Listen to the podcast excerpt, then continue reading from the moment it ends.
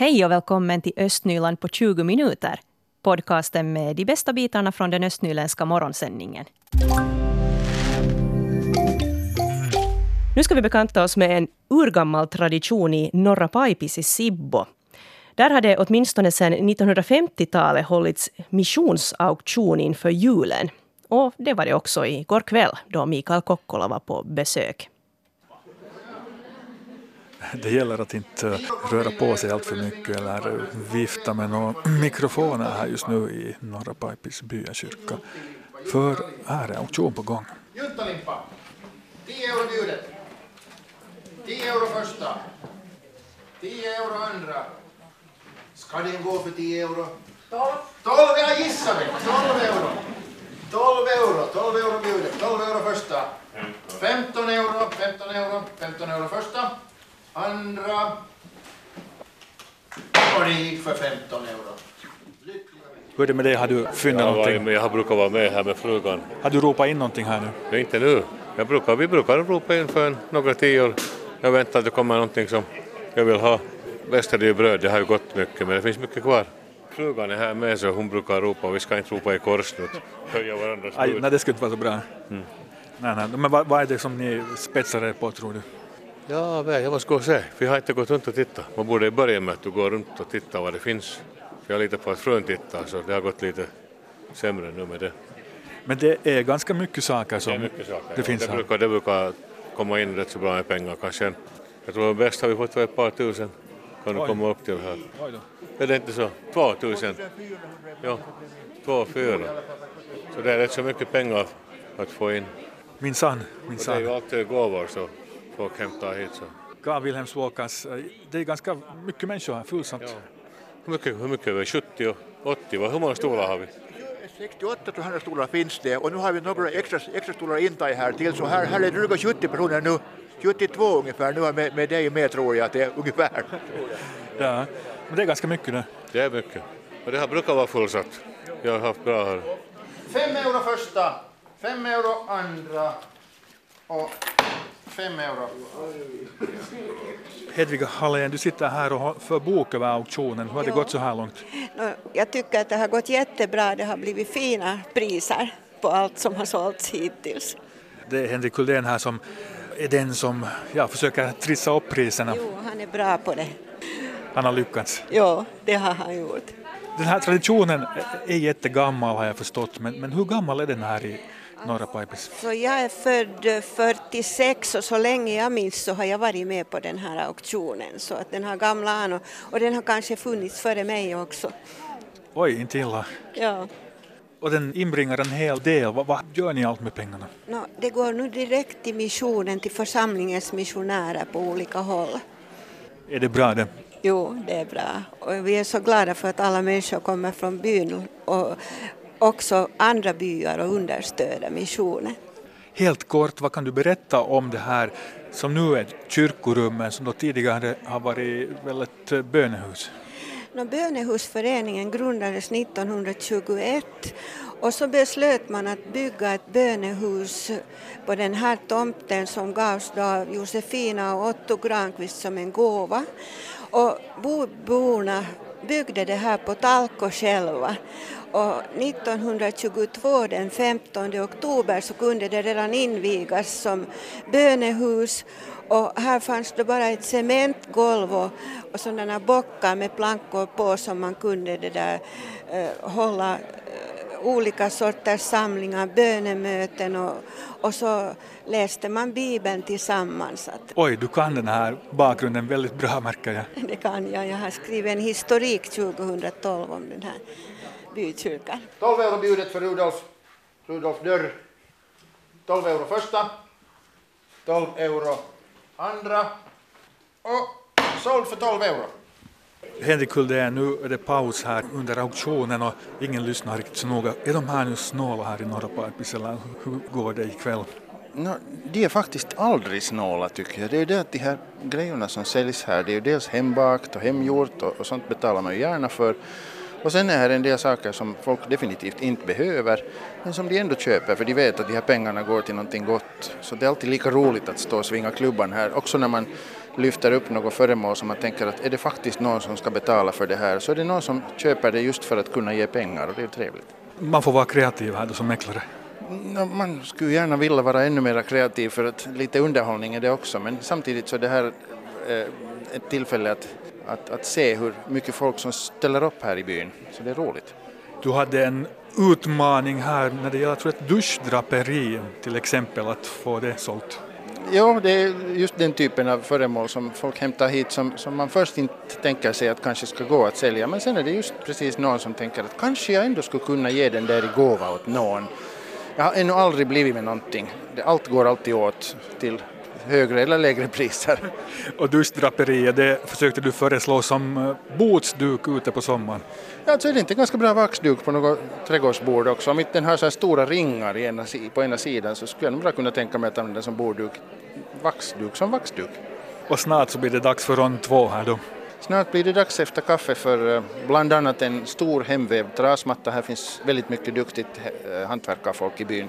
Så här är ofta väldigt fina hantverk. Och sen är det ofta någon som har skaffat en docka och sticka, virka och sytt en fullständig uppsättning kläder och det blir alltid lika imponerande när man ser hur någon har lagt all sin möda på att få till en sån här helhet och så sitter det flickor och pojkar med förväntansfulla blickar här i, i salen och hoppas att mamma ska köpa den eller mormor eller farmor. Där har du din mäklarklubba. Ska du värma upp handen lite? Ja, den ser ut att vara gjord av ordentlig masur så där som klubbor ska vara. Den går bra att klubba med. Jag har ibland klubbat i det jag har sålt och då blir folk lite rädda för att om det är skört glas eller metall så låter det inte så bra som i den här träplattan här. det sa Henrik Huldén som var mäklare där på missionsauktionen i Norra Pajpis bykyrka. Och byborna i Norra Pajpis ropade och köpte lotter för över 2200 euro. Så julgivmildheten var det verkligen inget fel på. Och de här pengarna tillfaller som sagt det missionsarbete som Sibbo svenska församling stöder.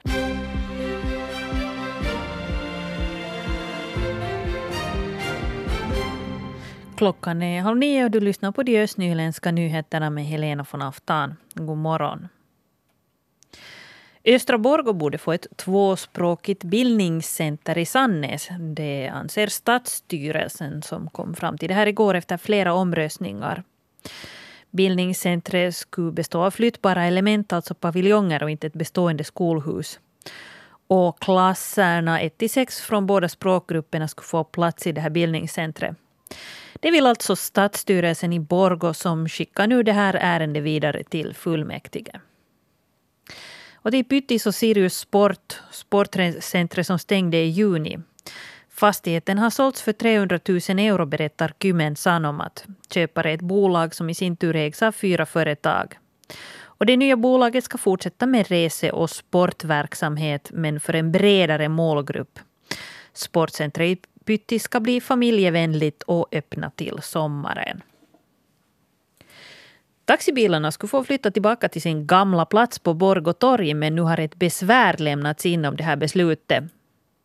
I november fick taxibilarna grönt ljus för flytt till platsen där den gamla taxistationen fanns men nu är det oklart om och när den här flytten kan bli av. Stadsutvecklingsnämnden har ännu inte behandlat besväret och det är oklart hur länge det tar. Och läkarbristen syns på allt fler håll i Östnyland. På Borgå sjukhus har läget försämrats plötsligt den här hösten. Sjukhuset har svårt att hitta läkare som specialiserar sig. Just nu är tre platser lediga och i januari kommer det att finnas fyra lediga platser. Bristen på läkare har inte påverkat den vård patienterna får men läkarbristen belastar personalen på Borgå sjukhus. Och felparkerade bilar som står i vägen på Kalkstrandsvägen i Sibbo ska vara ett minne blott på sommaren. Kommunen och NTM-centralen har beslutat om att göra något åt parkeringen i Kalkstrand. Men hur parkeringen ska lösas blir klart i februari. Antagligen handlar det om noggrannare parkeringsanvisningar och mera övervakning så att parkeringen styrs till de avgiftsbelagda platser som redan finns i Kalkstrand. Har du drömt om att få ge ut din egen roman någon dag? Ja, det är inte alltid så enkelt att få ett kontrakt med något finlandssvenskt bokförlag. En person som har lyckats med det här är Hanna Ylöstalo. Hon är aktuell med sin debutroman Silver på förlaget i början av april. Hanna Ylöstalo är ursprungligen från Sibbo men bor för tillfället i Helsingfors. Och jag har nu ringt upp Hanna. God morgon. God morgon. Du jobbar, Hanna, i ungefär fem års tid med din debutroman. Hur ser du tillbaka på den här skrivprocessen? No, det har nog varit jättespännande och, och roligt och det har varit många stunder och jag har tänkt att det aldrig, aldrig kommer bli en färdig bok. Men, men nu är det då äntligen dags. Mm.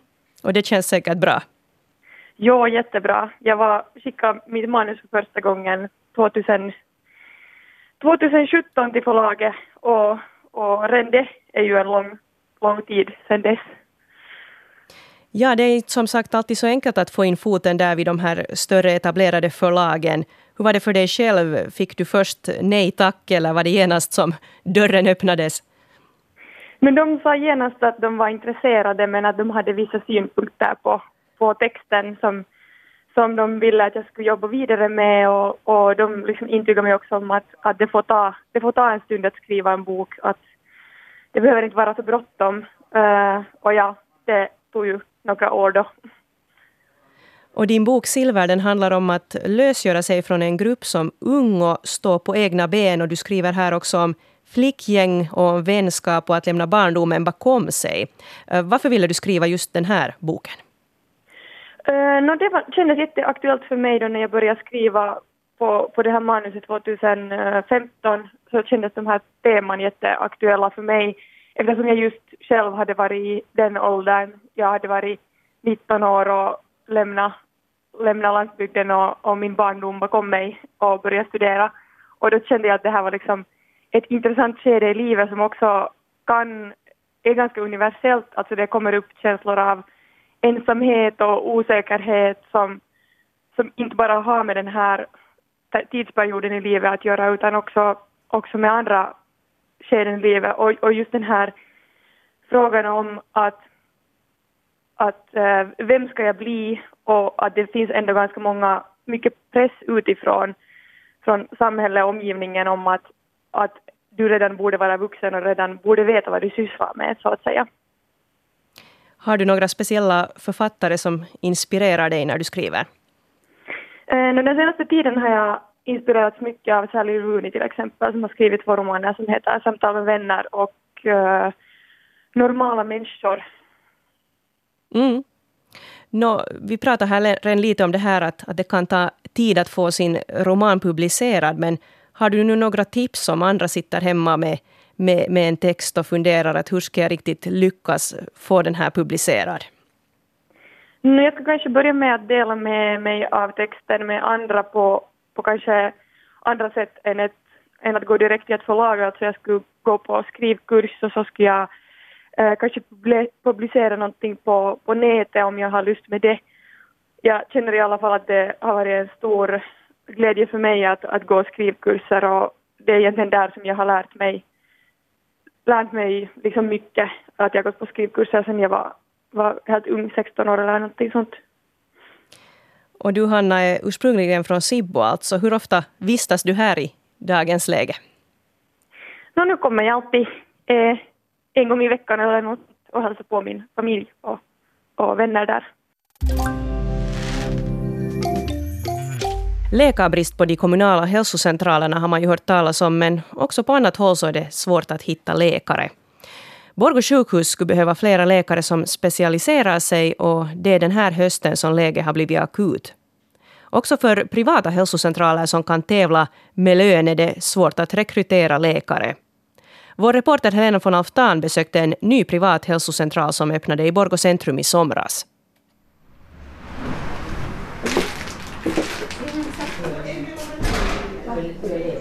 Jag är hos Eh, läkaren eh, Bernhard Edgren. Eh, den är ju rätt så ny den här hälsocentralen, den här privata hälsocentralen. Ett, ett halvår har ni hållit på. Är du, du den enda läkaren här eller har du lyckats anställa någon till hit? Jag är för tillfället den enda läkaren. Vi har en tillfällig läkare nog som kollega som är och hjälper lite. Men det här är mest jag som står här alla dagar. Och eftersom jag är pensionär så har jag ju inget annat att göra så kan jag bra stå här alla dagar. Du har inte på dig en läkarrock utan en sån här uh, röd tröja för IFK. Är det alltså ishockeylaget du håller på?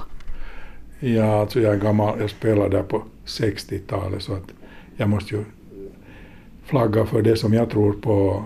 Jag har aldrig haft läkarrockar så länge jag har varit privatläkare. Jag kommer inte att ha något i det, i här uh, mottagningen heller så att jag kör med sån här alldeles vanliga kläder. Så att inte, och det har en viss positiv effekt också.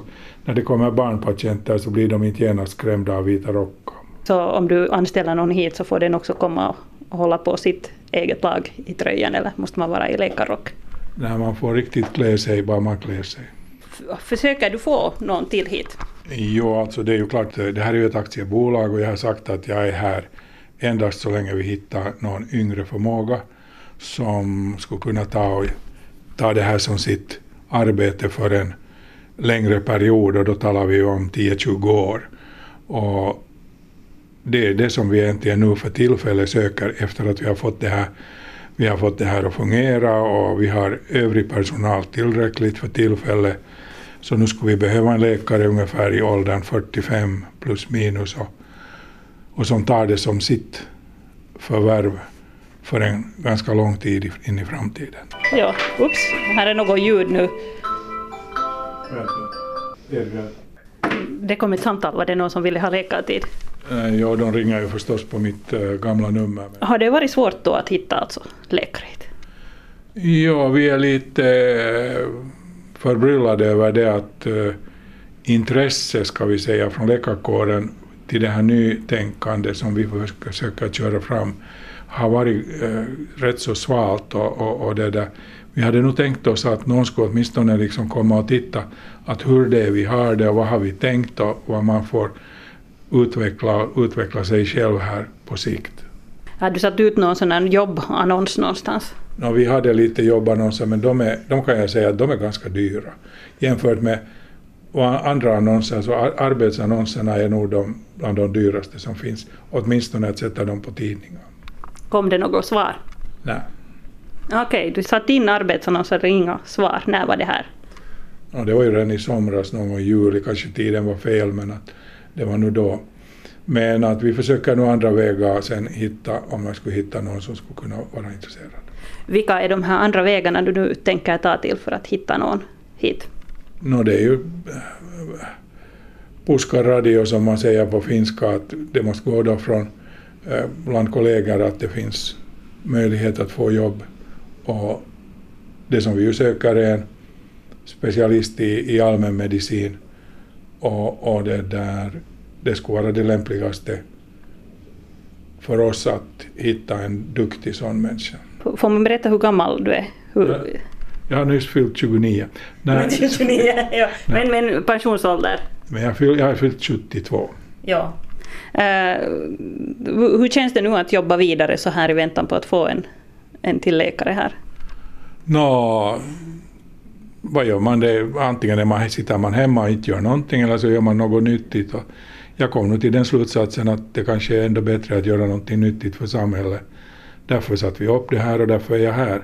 Och jag har nog tid att vänta så länge hälsan håller att, att det där inte är något problem. Och det säger läkare Bernhard Edgren vid läkarcentralen Nimmed i Borgo. Och jag har Helena von Oftan med här i studion. God morgon. God morgon. Är du också evigt 29, Helena? Jo, jo, absolut. det låter som ett så bra tal. Över det vill man inte gå. Hörde, du kollade upp läget också på Borgo sjukhus. Hur har de där med situationen att hitta läkare? No, det har nu plötsligt blivit sämre den här hösten och, och, och ser illa ut så här till vintern och våren. Jag pratade där med en ledande läkare, Kimmo Halonen.